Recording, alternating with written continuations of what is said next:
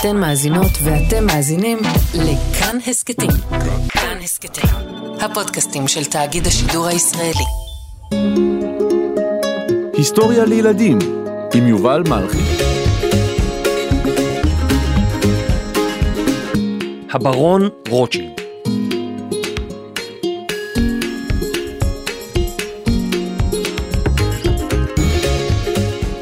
שלום ילדים וילדות, היום אני רוצה לספר לכם על, אה, נו, אה, רגע, שנייה, אני אזכר. אה, יובל, אתה יכול לקנות לי איזה חטיף, משהו? מה, חטיף? כן, תכף אני בא, אני מקליט פה פשוט פרק. אני רוצה לשתות משקה. מה, משקה, בסדר, נקנה משקה עוד שנייה. אני רוצה מסטיקים, אתה יכול לקנות לי מסטיקים. בסדר, אני אקנה לכם שתייה וחטיפים ומסטיקים, אבל... ואני באמצע ההקלטה, וגם... מה אתם חושבים שאני? רוטשילד? אז על מי הפרק היום? אה, כן, כן! הברון רוטשילד. הפעם אני רוצה לספר לכם על רוטשילד, או בשמו המלא, הברון אברהם בנימין אדמונד ג'יימס דה רוטשילד. כן, זה שם מאוד ארוך לבן אדם אחד, אך בזכות נדיבותו הרבה של הברון רוטשילד, היישוב היהודי בארץ ישראל התחדש. נבנו יישובים חדשים, החלו לדבר בעברית, ועד היום הוא נחשב לאחד מאותם אנשים שבזכותם קמה מדינת ישראל. שמו היה הברון רוטשילד. כל היהודים בעיר פרנקפורט שבגרמניה הכירו את הבית עם השלט האדום. בבית זה גרה משפחתו של מאיר אנשל, משפחה יהודית שחיה חיי דוחק והתפרנסה בקושי רב. למאיר אנשל היו עשרה אחים ואחיות, וכשהיה בן 12 כבר נפטרו גם אביו וגם אמו. מאיר למד את מקצוע הבנקאות והחלפנות. הוא פתח עסק שבו החליף מטבעות וסחר במתכות יקרות, למשל כסף וזהב. הוא אימץ לעצמו שם משפחה חדש, במחווה לשלט האדום שהיה הסמל של בית משפחתו. בגרמנית אדום זה רוט, כמו רד באנגלית, וסמל, גם כמו באנגלית, הוא שילד. רוט שילד. רגע, מישהו פה הולך, אה, סליחה, נעים מאוד, מי, מי אדוני? שילד. רוט שילד. או בשמי המלא, מאיר אנשל רוטשילד. הבנקאי מאיר אנשל רוטשילד חי בתקופה סוערת באירופה.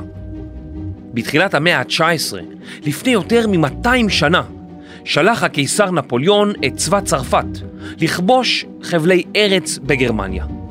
החיילים הצרפתים צעדו לכיוון פרנקפורט, והנסיך הגרמני, וילהלם מאסן, נאלץ להימלט. לא לפני שהפקיד עגלה עמוסה בכסף ובזהב בידי רוטשילד, שדאג להחביא היטב את האוצר. מסופר שכשהצרפתים הגיעו לשדוד את ביתו של רוטשילד, הוא נתן להם את כל הונו האישי.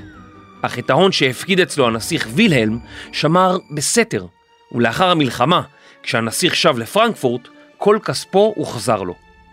היה זה אות שאפשר לבטוח במאיר אנשל, ועד מהרה כבר היה לו בנק משלו. הבנק של רוטשילד התפרסם בכל רחבי אירופה, ומאיר אנשל רוטשילד ביקש להרחיב אותו באמצעות חמשת בניו. הוא שלח כל אחד מהם לעיר שונה, כדי להקים סניף מקומי של הבנק המשפחתי. ג'יימס נשלח לפריז. נתן נשלח ללונדון. סלומון נשלח לווינה. קרל נשלח לנפולי. ומאיר נשאר בפרנקפורט. האחים לבית רוטשילד סיפקו שירותי בנקאות לכל שליטי אירופה. האחים עזרו מאוד האחד לשני, והונם, הכסף שלהם, ההון שלהם, הלך וגדל. האחים לבית רוטשילד הפכו מפורסמים וזכו בתארי אצולה, דבר שהיה די נדיר באותם ימים ליהודים. כיאה למשפחת אצולה, משפחת רוטשילד התהדרה בסמל חגיגי שבתחתיתו נכתב אינטגריטס, אינדסטריה, קונקורדיה, אחדות, הגינות, חריצות. אלו הערכים שאבי המשפחה ביקש להעביר הלאה לבניו ולדורות הבאים. תארו לכם שלכם היה סמל משפחתי. מה היה מצויר עליו? אילו ערכים אתם הייתם רוצים בסמל המשפחתי שלכם? הנה, אני אראה לכם את הסמל המשפחתי שלי. אה, סליחה, חבר, חבר, אני פשוט מקליט פה. אתה יכול רגע לצאת החוצה שם ולהביא לי את השלט? כן, יש לי שם, אני שמתי שלט, תודה. חכו רגע ילדים, אני אקריא לכם את השלט המשפחתי שלי. אוקיי, שימו לב. החנייה אסורה. רכב חונה ייגרר... רגע, מה זה ה... לא, איזה שלט הבאת לי? לא, לא, אמרתי לך, בחוץ, בחוץ שם, יש שם עוד שלט, תסתכל, השלט השני. כן, תביא, תביא. טוב, אז סליחה, זו- זאת הייתה טעות. הנה, הוא נתן לי את השלט השני. אוקיי. שווארמה תומר, שמים לך את הלב בפיתה. חמוץ. רגע, מה... נו מה, הבאתם לי את הטלפון של, של השווארמה של תומר שלוש. לא, זה לא זה, מה פתאום? אני צריך את השלט, אני, אני שמתי שם. טוב, לא משנה, לא משנה. לא משנה, לא משנה.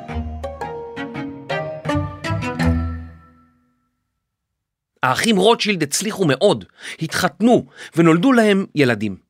עכשיו זה קצת מורכב, אז שימו לב. ג'יימס יעקב, האח שנשלח לפריז, התחתן עם אחייניתו, בטי, או בתיה, הבת של אחיו סולומון. לזוג נולדו חמישה ילדים, וילדם השלישי היה בנימין אדמונד דה רוטשילד. הבנתם? מעולה. בנימין אדמונד הקטן גדל בבית שהיה כמו ארמון. הוא זכה לחינוך הטוב ביותר, ומגיל צעיר נמשך לעולם האומנות. בבית הוריו התכנסו אנשים מכובדים מאוד, שבאו להשמיע ולהראות את יצירותיהם. אמו של בנימין הקפידה בין השאר גם על חינוך יהודי, ובנימין גם ראה כיצד אביו תורם כספים לקהילות יהודיות. בשנת 1854 תרם מאיר רוטשילד כסף להקמת בית חולים בעיר ירושלים, שנקרא בית החולים מאיר רוטשילד. היה זה אחד מבתי החולים הראשונים בעיר. בינתיים אדמונד, הברון הצעיר שלנו, נשא לאישה את אחייניתו עדה לידה, או עדה בשמה העברי. לברון ואשתו נולדו שלושה ילדים. בתקופה הזו, לפני כ-140 שנה, החיים של משפחת רוטשילד בצרפת היו נוחים למדי, אם לא יותר מכך. אבל לא כך היה הדבר עבור מיליוני יהודים בכל רחבי העולם, ובייחוד אלו שחיו במזרח אירופה. הם סבלו ממתקפות אלימות, הפוגרומים. הברון בנימין אדמונד דה רוטשילד שמע על אותם פוגרומים איומים והזדעזע. הוא תמך בהקמת ועד הסיוע ליהודי רוסיה, שסייע להם להגר לארצות בטוחות יותר. בעוד שתנועת חובבי ציון קראה ליהודים לעלות לארץ ישראל, לא היה פשוט לגור כאן, לא הייתה כאן תשתית לקליטת עלייה. רבים מהעולים הצעירים חלו, והאחרים עזבו את הארץ די מהר, כי היה קשה מאוד לגור כאן. רוב היהודים היגרו לבריטניה ולארצות הברית, והיו גם כאלה שעברו לארגנטינה ולאוסטרליה. מעט היהודים שכן עלו ארצה נודעו בתור העלייה הראשונה. העלייה הראשונה בתקופה המודרנית, העכשווית. הרב שמואל מוליבר היה ממנהיגי תנועת חובבי ציון. הוא הבין שעליו לגייס כסף רב כדי לסייע לאנשי העלייה הראשונה, שהחלו להקים מושבות חקלאיות בארץ ישראל. הוא נסע ברחבי אירופה בחיפוש אחר נדבנים יהודים שיוכלו לתרום מכספם למען המתיישבים. כשהגיע לפריז, הוא הצליח לארגן פגישה בבית הכנסת שבו התפלל הברון רוטשילד. הברון הושיט לי את ידו, ובתנועה קרה ומנומסת הראה לי על הכיסא שעמד סמוך לשולחנו, סיפר הרב מוליבר. כשהברון שאל את הרב מה הוא בא להציע לו, הרב ענה: באתי אליך שליח מאת אחיי, בני עמי, בהצעה גדולה וחשובה, שנשמת עמנו תלויה בה, יישוב ארץ ישראל. הרב מוליבר אמר לברון כי אם הוא יענה לבקשתו, הרי זה משום שגם הוא חרד לגורל עמו. כמה ימים לאחר הפגישה הודיע הברון רוטשילד שהוא בעד. הוא תרם את הכספים הנחוצים כדי להתחיל ליישב איכרים יהודים בארץ ישראל. כמה שבועות לאחר שהרב מוליבר ביקר בפריז, הגיע אל רוטשילד איכר עברי בשם יוסף פיינברג, שסיפר לו כי המושבה הראשון לציון נמצאת בצרות צרורות. באותם ימים, המושבות בארץ ישראל היו עניות מאוד. בראשון לציון, המתיישבים הגיעו לפת לחם. לא היה מספיק מזון, לא היו בארות מים. השלטונות התנכלו לתושבים. המושבה הייתה בסכנה. היה חשש שאם החלוצים ינטשו את המושבות, יבוא קץ על הניסיון ליישב שוב את ארץ ישראל. אבל מי יעזור? מי? הברון מיד התנדב כדי לעזור למושבה ראשון לציון. הוא גם הסכים לממן קניית אדמה בארץ ישראל, שבה תוקם מושבה חדשה. בתחילה היא נקראה בשם עקרון, ואחר כך ניתן לה שם מזכרת בתיה, על שם אמו של הברון רוטשילד. הברון רוטשילד החליט לתרום סכום כסף גדול לחפירת בארות מים, וגם לסיוע למשפחות נזקקות.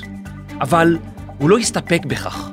הוא הבין שלמתיישבים חסרה הכשרה חקלאית. שלום לך, ברון, שלום בברון. שלום לך חלוץ, אנחנו זקוקים לעזרה, תוכל אולי לתת לנו קצת כסף? אתה מכיר את הפתגם תן לאדם דג והוא יהיה שבע, אבל תלמד אותו לדוג והוא יהיה שבע כל החיים? לא, לא, אני לא, לא מכיר את זה. אז זהו זה. מה, אתה... אתה רוצה שנהיה דייגים? לא, לא, זה מין משל עם מטאפור, זה... אה, אתה רוצה שנלמד לעשות דברים לבד בעצם, נכון? בדיוק, בדיוק. איזה יופי. אז uh, אנחנו רוצים לגדל ענבים, יש לך אולי חכה? מה? לא, אני, אני התכוונתי ש... אה, לא, לא, אתה יודע מה, אנ- אנחנו ננטע אפרוחים, ננטע אפרוחים, כן. לא, עצרו הכל. אני... אול- אולי נזרח חציר, א- אולי נמסוק קלמנטינות. מה, מה, לא, לא, ממש לא. אה, אה, סליחה, סליחה, אתה צודק, אתה צודק. אנחנו נחלוב אבוקדו. מה? אויש ואבויש. אויש ואבויש.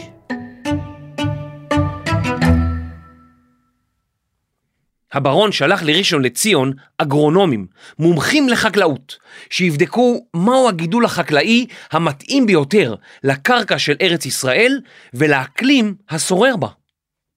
המומחים הבחינו בגפנים שנשתלו במושבה וגדלו לתפארת, והם הבינו שגידול ענבים יכול להיות הענף החקלאי המתאים ביותר.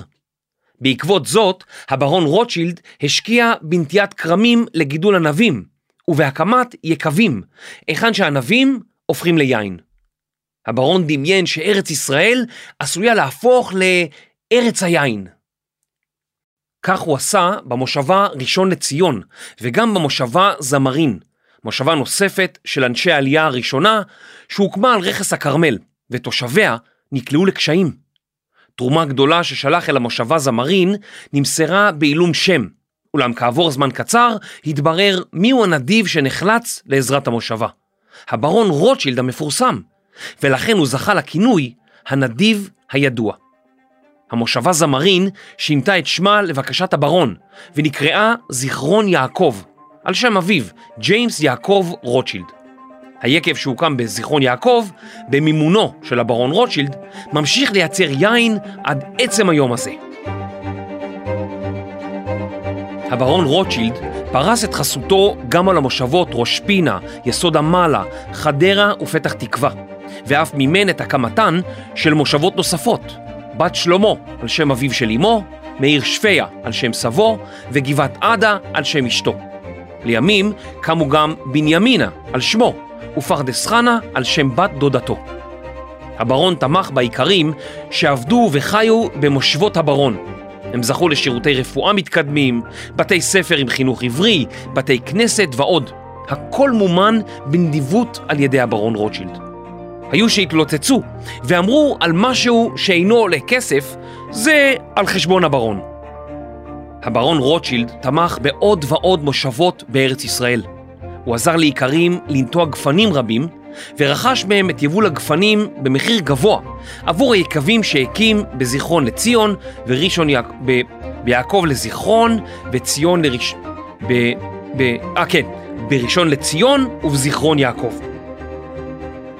למרות שהברון היה בכלל חובב אומנות, הוא הרבה לבקר בתערוכות חקלאיות כדי לבדוק אם יש משהו שיכול לעזור לחלוצים.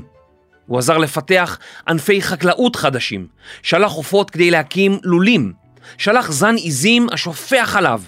ניסה להקים בתי חרושת לבקבוקים, לאריגים ולבשמים. לא כל מה שניסה הצליח, אך הוא לא נרתע. הוא ראה הצלחות בכל פינה, ובהן התמקד. הברון שלח לארץ מכונות חקלאיות משוכללות ומכונות לשאיבת מים מבארות. הוא המשיך להשקיע בארץ כל הזמן. הוא רכש אדמות, שלח לארץ רופאים, אחיות ורוקחים כדי שיטפלו באיכרים ובעולים החדשים. הרוקחים היו דוהרים על סוסיהם כדי לחלק תרופות למתיישבים, ולעיתים סיכנו את חייהם.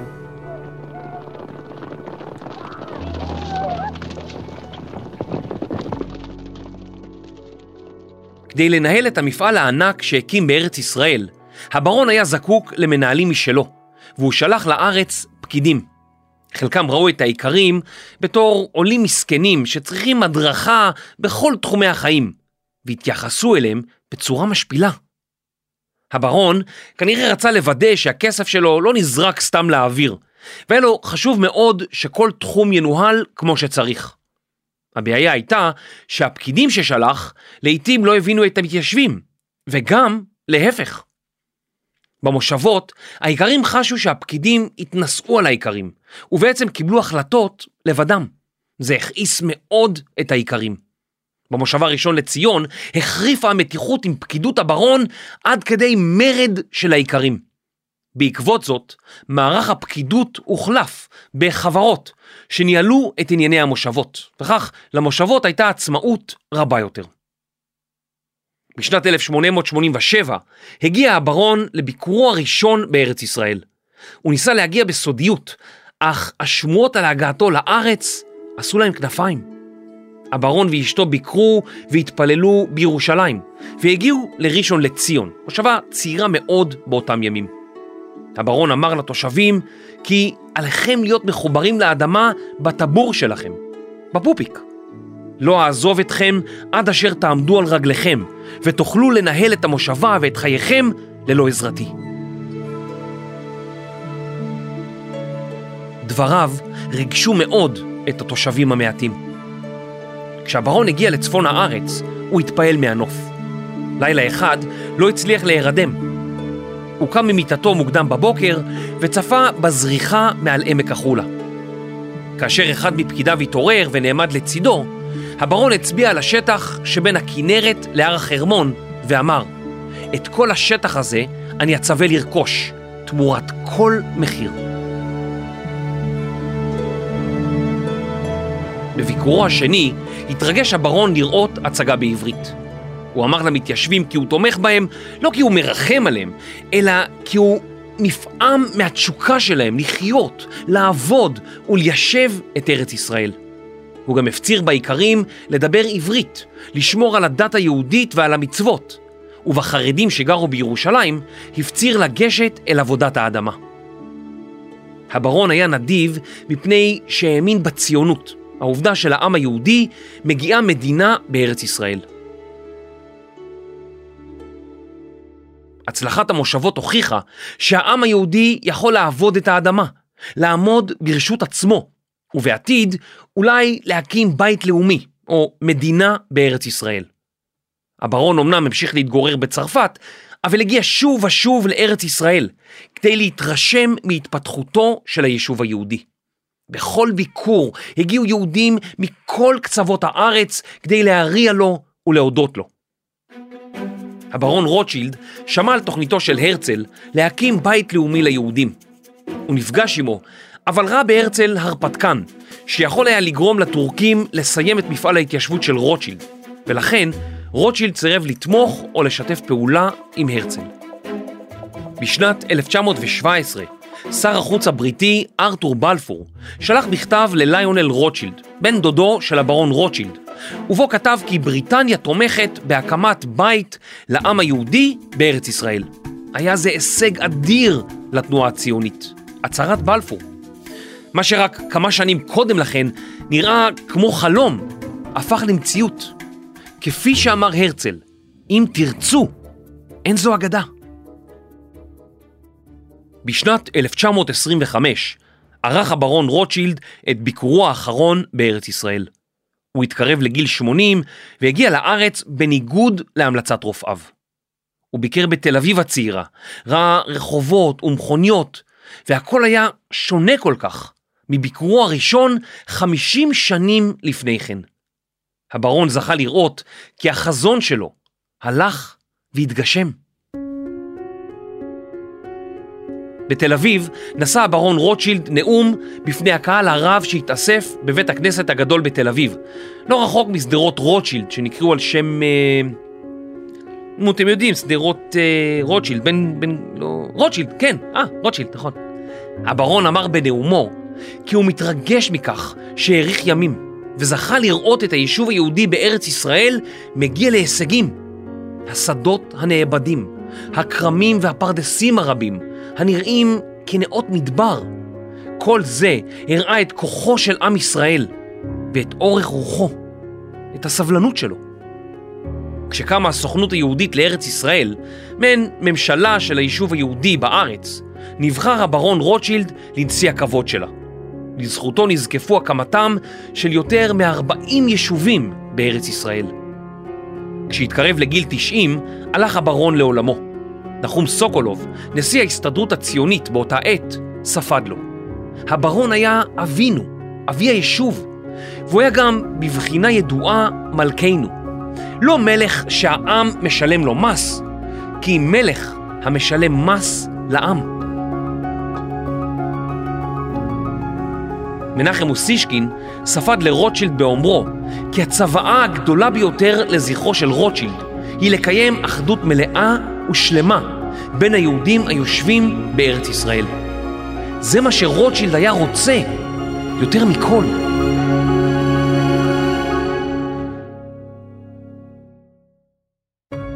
במהלך חייו השקיע הברון רוטשילד סכומי כסף עצומים במפעל הציוני.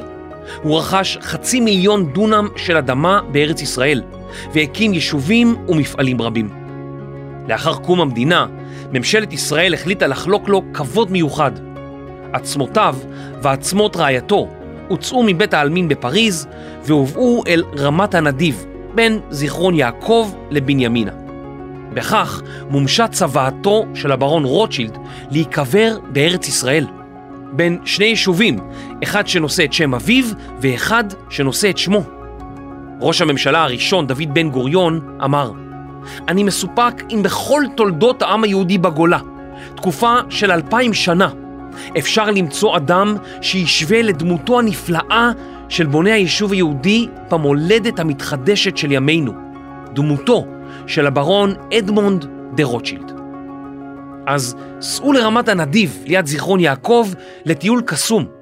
תוכלו לראות גנים מרהיבים, נוף, מים ואת קבר הברון. בשטח הגנים גם נמצא ארמון מפואר המתוארך לתקופת הורדוס. גם הדורות הבאים של משפחת רוטשילד המשיכו לתרום למדינה בתרומות מיוחדות. למשל, הם סייעו בהקמת משכן הכנסת ובית המשפט העליון בירושלים.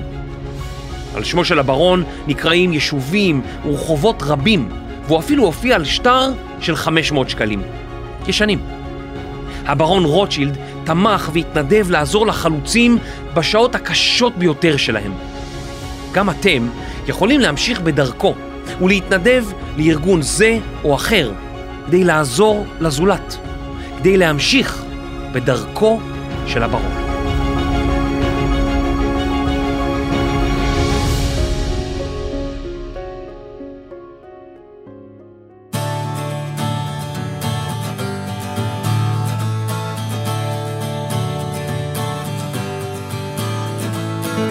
מחקר, כתיבה, ונשוי לבת דודה של אחיין של אחותו, של האחיינית של רוטשילד, תומר שלוש. עריכה, קריינות ונהג בכרכרת הזברות של ליונל רוטשילד. יובל מלכי. עריכת לשון ואוהבת לשתול אפרוחים. דינה בר מנחם. מיקס, אפקטים, ואוהבת לעבוד על חשבון הברון. רחל רפאלי. הפקה ומדריכי סיורים ברמת הנדיב. ניר גורלי, אבי שמאי, ורני שחר. אני יובל מלכי, היסטוריה לילדים.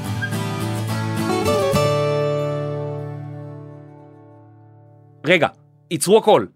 אם אתם מאזינים דרך אפל, ממש נשמח שתדרגו אותנו ותכתבו מה אתם הכי אוהבים בהיסטוריה לילדים. זה עוזר לנו מאוד, אז תודה. נשמח לראות אתכם גם בקבוצת הטלגרם שלנו, היסטוריה לילדים, שם תוכלו להציע הצעות לפרקים ולשמוע מה חדש. פרקים נוספים של היסטוריה לילדים ניתן למצוא באתר כאן, ביישומון כאן וביישומונים לרכב ולטלוויזיה. תודה.